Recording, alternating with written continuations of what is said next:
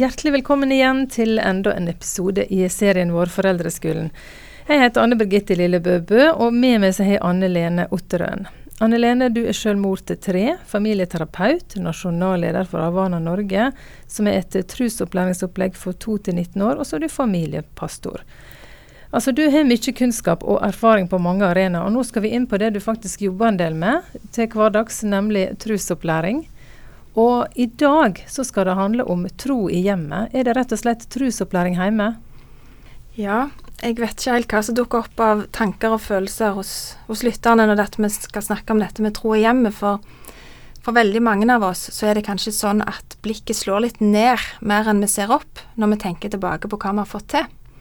For min del så er det iallfall sånn at jeg har ikke møtt en eneste person som har sagt at og er det noe vi har lykkes med 100% med hjemme, så er det det som går på trosopplæring eller tro i hjemmet. Eh, det er så lett at det blir taust eh, blant oss når vi snakker om tro i hjemmet, for det er liksom så mange av oss som tenker at eh, vi skulle ha gjort mer, og ja, vi blir gjerne litt skamfulle, og skammen gjør oss jo ofte stille. Så jeg tror at nå er det kjempeviktig når vi skal snakke om dette temaet, at vi er enige om at det som ligger bak, det ligger bak, og så strekker vi oss etter det som ligger foran.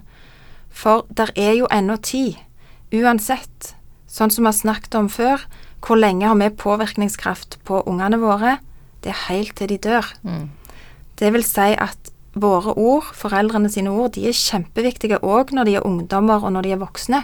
For vi får lov å fortsette å bekrefte de og heie på de, og vi kan vitne og vi kan gjøre godt så lenge vi lever, og ikke minst så kan vi be for de, vi kan be om tilgivelse når vi feiler, så det er mange muligheter som ligger foran oss. Mm.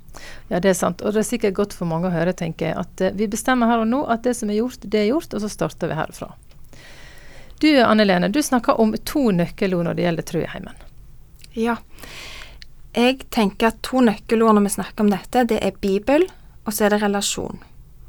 Vi ønsker jo at ungene skal få kunnskap og kjennskap til Bibelen, og vi ønsker at de skal få lov å oppleve en relasjon til Jesus mest av alt. Og så handler det om òg å bevare en god relasjon i familien når det kommer til dette med tro. Mm. Så er det litt sånn at jeg tenker at tro i hjemmet, det er jo egentlig ikke noe annet enn tro en annen plass. Men så tror jeg at utfordringene våre, de vi har Nei, unnskyld. Mm. Tro i hjemmet, det er jo egentlig ikke noe annet enn å tro noe en annen plass. Men så tror jeg at utfordringene våre handler om noe av det samme uansett hvor vi er. For vi mangler et språk på trua vår. Trua det er liksom noe vi skal holde for oss sjøl. Mange sier at ja, det er en privatsak. Og vi tror ikke at folk rundt oss rett og slett er interessert i dette med trua vår, men det er faktisk feil. For undersøkelser viser at Seks av ti som ikke er kirkevante, de ville blitt med deg og meg i kirka hvis vi hadde invitert dem. Mm. Sånn at jeg tror det handler mye om å connecte trua på alle de dagene mellom søndag og søndag. For tro det er noe helt annet enn en privatsak. Mm. Og jo mer trua kan handle om både hjem og familie, arbeid og fritid, relasjonene våre i hele livet og alt det som det innebærer, så tror jeg at trua vår blir mer troverdig. Og lenge så har vi jo tenkt at eller iallfall har jeg tenkt at ja, dette med tro og hjemmet, det blir nesten som en sånn ekstraaktivitet som vi skal skvise inn i en travel hverdag. Vi må jo gjøre noe som handler om tro i hjemmet. Men så tenker jeg nå at tro i hjemmet, det handler kanskje aller mest om å ta Jesus med seg inn i det som allerede skjer hjemme. Mm. Det står noe veldig fint i 5. Mosebok 6 om nettopp det. Du skal elske Herren din Gud av hele ditt hjerte, av hele din sjel og av all din makt. Disse ordene som jeg pålegger deg i dag, skal du bevare i ditt hjerte. Du skal gjenta de for dine barn og snakke om dem når du sitter i ditt hus og når du går på veien, når du legger deg og når du står opp. Jeg tror at tro kan staves relasjon, og hvis vi tenker at tro kan starte med relasjon i hjemmet, da blir det kanskje litt mer håndfast. Det å bevare kontakten med ungene og ungdommene våre, det tror jeg er kjempeviktig. Og det betyr at vi kanskje noen ganger må velge å si nei, men det skal vi velge med omhu. Tenk mm. gjennom hva kamper som er viktige å ta, og sett relasjonen og kontakten med ungene kjempehøyt. Det betyr ikke at det skal bli grenseløst hjemme, men vi skal bruke klokskap. Mm. Og så er det jo når vi har kontakt og relasjon at vi faktisk også kan så inn noe som handler om Jesus og tro. Mm. Og så kan vi vise hva som er viktig for oss. Du sier altså at det handler ikke nødvendigvis bare om de familieandaktene som vi har dårlig samvittighet for at vi ikke alltid klarer å ta, men mer om relasjonen vi har til barna, og som vi kan ha til Jesus. Ja, for tro det er ikke noe som skjer separat. Det skjer samtidig med alt det andre. Det skjer i relasjon, og det skjer mens vi holder på med ting, midt i livet, midt i andre ting. Det å kunne sitte med bordet og ha fisk til middag, og en unge sier at du, så rart at Gud bare har skapt så mange fisk. Han kunne jo bare skapt én sort, ikke sant. Det så bare bruke de der små Mm. mulighetene til å ja, ta tak i det som ungene er opptatt av. og det å få lov til å be for dem før en prøve, f.eks., som kan være med å trygge dem gjerne, eller ja. Det, vi fikk tidlig høre om en familie som alltid velsigna ungene før de gikk hjemmefra om morgenen, og jeg tenkte wow, det vil jeg òg gjøre, eller det vil vi òg gjøre. Og det ble en vane, det å velsigne de på vei ut døra. Og hvis jeg glemte det noen morgener, så stoppet de opp og ble bare stående og vente, for det var blitt eh, så ja, en del av hverdagen. Et slags ritual på en måte, og noe som var verdifullt for de òg. Så jeg tenker at vi skal slippe å prestere, men vi skal få lov til å bare gi videre det som Gud har gitt til oss. Og derfor er det veldig viktig at vi som foreldre tar på oss vår egen maske først. At vi sørger for at vi tar til oss av Guds ord, og at vi lever det i møte med ungene. Sånn at eh, Ja, jeg tror at min relasjon oppover, altså vertikalt, den vil jo alltid prege relasjonene mine utover, og da selvfølgelig òg relasjonene til ungene. Mm. Du, Vi snakka tidligere i om at uh, ungene våre ser verdier ut fra hvordan vi handler, ikke alltid gjennom de ordene vi sier. Så det er altså viktig hva vi gjør, og hvordan vi er for barna våre, og at vi bruker tid på dem. Ja, for hvor mye tid bruker vi egentlig sammen med ungene våre i løpet av en dag? Um, det tror jeg er lurt å tenke gjennom. For jo mindre synlige du og meg blir i ungene sitt liv, jo større påvirkning vil de jo bli utsatt for av andre, enten det er i barnehage, skole eller andre ting. Og jeg sier ikke at ikke det kan være god påvirkning, men vi skal være klar over det. Eh, og så er det jo mange som sier at ja, men kjære vene, vi skal jo ikke påvirke ungene våre.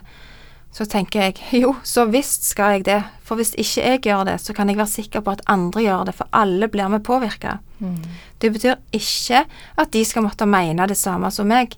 Det skal være et stort rom for refleksjon og ulike tanker, men det er utopi å tro at vi ikke påvirker de. Vi påvirker de både med det vi sier, og det vi ikke sier. Med det vi gjør, og det vi ikke gjør. Du snakker om at vi ønsker at barna våre skal bli disippelgjort. Kan du forklare litt hva mener du med det ordet, disippelgjort? Ja, det at ungene skal bli disippelgjort, da tenker jeg at vi ønsker jo at de skal lære å kjenne og elske og tjene Jesus.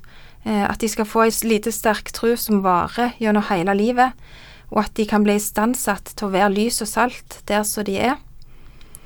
Og så ønsker vi jo at de skal bli selvstendige, men samtidig så skal de ikke bli uavhengige. Det har aldri vært et mål, for vi er jo skapt til relasjon, så, og det tror jeg òg kommer til dette, gjelder nå i forhold til dette med tro. Vi trenger hverandre, vi trenger fellesskapet for å kunne være med å skape disipler, for å få lov til å vokse opp som kristne, og for at vi rett og slett skal få lov til å være lemmer på legemet med sammen. Hvordan kan dette se ut i heimen, tenker du? Ah, Det tror jeg handler om veldig mange ting, men blant annet så handler det om det å leve et transparent og ærlig liv. Det er veldig mange ungdommer som sier at de mista trua fordi at de ikke så at søndagen samsvarte med hverdagen. Og jeg tror det er kjempeviktig at vi ønsker å gi Jesus plass og innpass i hverdagen vår, i de små, små og de store tinga. At vi er troverdige og lar trua handle om hele livet. At det handler om alle dagene og alle slags dager. Og òg det at vi våger de vanskelige spørsmålene som, som gjerne vi òg syns det er krevende å finne svar på. Ikke sikkert vi finner de, men hvem er Gud når ting ikke går på skinner? Hvem er Gud når han ikke griper inn? Når vi ikke forstår ting? At vi våger å sette ord på dette sammen med ungene. Eh, og så lander vi ofte hjemme hos oss i en sånn setning som kanskje mest av alt er trøst, men den er When you don't understand, you trust.